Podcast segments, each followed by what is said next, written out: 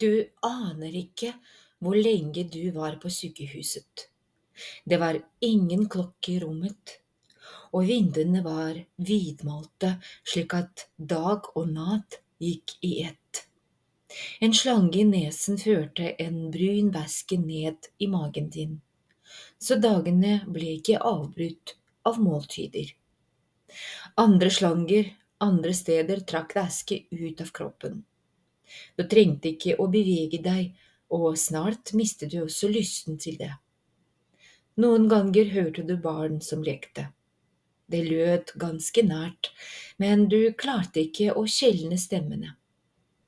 Moren din kom aldri på besøk. Ingen kom på besøk. Du var alene med smertene. Doktor Goth dukket opp fra tid til annen. Han rynket på nesen og rablet på journalkortet, men sa ingenting, og du hadde ikke lenger krefter til å si noe til ham. Drømmene dine var uklare og forvirrede. De fleste handlet om slanger og symfonier av pipende apparater. Du syntes at disse drømmene var bedre enn glade drømmer. Ingenting var verre enn å drømme at du løp fritt omkring, for så å våkne og oppdage at du var fanget i en sykehusseng. Noen ganger fikk du lyst til å stå opp, men armer og bein var helt kraftløse. Men så en dag, lenge etter at du hadde gitt opp alt håp, hørte du en stemme. Det var ikke en sykepleier som plapret med en annen sykepleier, men en jente som hvisket i øret ditt. «Vogn opp, Vogn opp, du må hjelpe meg. Du åpnet øynene og så at hun sto ved siden av senga. Hun var yngre enn deg, hun hadde en papirslåbrok på seg. Hva heter du? spurte hun. Det tok et øyeblikk før du husket det. Albert, Albert Dans. Jeg heter Eve, sa hun. Du må hjelpe meg, men det kommer til å gjøre vondt. Hvor da? Overalt, men det går over, og du må ikke skrike. Skjønner du? De må ikke høre deg. Du prøvde å si at du ikke ville klart å skrike selv om du ville men det eneste du fikk fram, var et matt ja vel. Hun dyttet til en bryter på maskinen og dro ut ledningene og slangene dine. Hun hadde rett, det gjorde vondt i absolutt hele kroppen.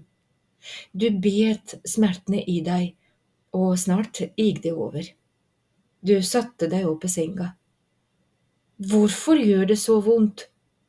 Den du hadde i nakken, kalles en inkapasitator. Når den blir trykket ut, kommer alle smertene tilbake på et blunk. Du ble i hvert fall advart på forhånd. Hun store sykepleieren som halter, dro ut inkapasitatoren min ved et uhell, sa Eve. Hva er det som feiler oss, spurte du. Det er dette stedet som feiler oss. Men er det ikke meningen at vi skal bli bedre her? Føler du deg noe bedre? Jeg vet ikke, jeg vet ikke engang hvorfor jeg kom hit. Jeg hadde ingen symptomer. Ikke jeg heller. Du så deg rundt i rommet. Hvorfor meg? Hvorfor noen av oss? spurte Eve. Nei, jeg mener, hvorfor valgte du å vekke meg? Jeg tenkte at jeg ville ha større sjanse til å komme meg ut herfra hvis vi var to, og du hadde senga ved siden av. Om et øyeblikk kommer nattsøster på runden sin, da har vi sjansen. Døra er låst, men hvis vi gjemmer oss bak skrivebordet, kan vi smette ut før hun ser oss, og så løper vi. Løper, sa du, jeg vet ikke om jeg kan gå engang. Med Ives hjelp kom du deg ut av senga og ble med henne bort til skrivebordet. Det var rart å stå på bena igjen. Du følte deg som en liten unge som nettopp hadde lært å stå oppreist. Da du hadde klart å komme deg bort til skrivebordet, falt blikket ditt på en avis hvor det var satt rink rundt en annonse. Sunne, uønskede barn søkes til viktige medisinske forsøk. Godtgjørelse utbetales ved avlevering. Kontakt doktor Finn Godt, Larken Mills planleggingsetat. Fort deg, nå kommer hun! Eve grep deg i ermet og dro deg ned bak skrivebordet. Døra gikk opp, men nattsøsteren bare stoppet, gispet og lukket den igjen. Hva skjedde, spurte du. Hun må ha sett at sengene våre var tomme. Du kunne høre skuffelsen i Ivs stemme. Vi må legge oss igjen og se ut som om vi har vært der hele tiden. Hun drikker, så de kommer ikke til å tro henne hvis vi setter alle slangene på plass igjen.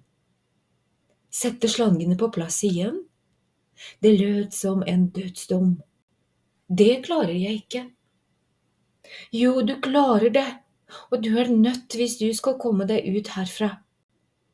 Alle, bortsett fra inkapasitatoren, men den er heldigvis i nakken. Vi prøver igjen i morgen kveld.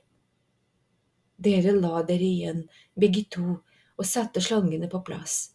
Det var enda verre enn du hadde forestilt deg. Ubeskrivelig smertefullt. Du fikk den siste på plass akkurat i tide.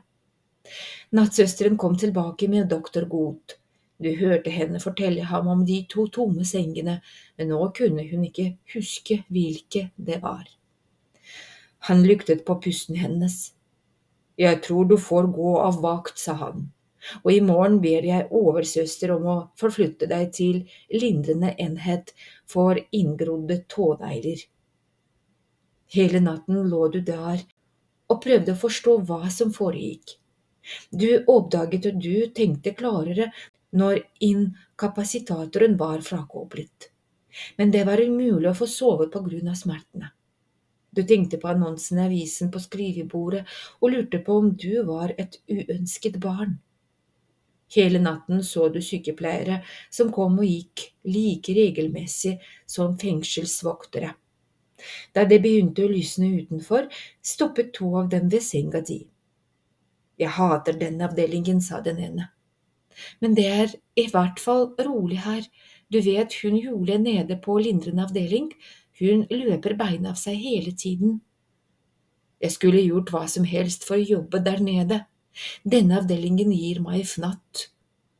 Begge pleierne så på deg. Du lå helt stille. Kom, sa den andre, så stikker vi og tar en kopp te. Her er det ingen som går noen sted. Det TV-programmet du liker så godt, begynner straks. Det hvor de får hypnotisere mennesker til å spise sandpapir?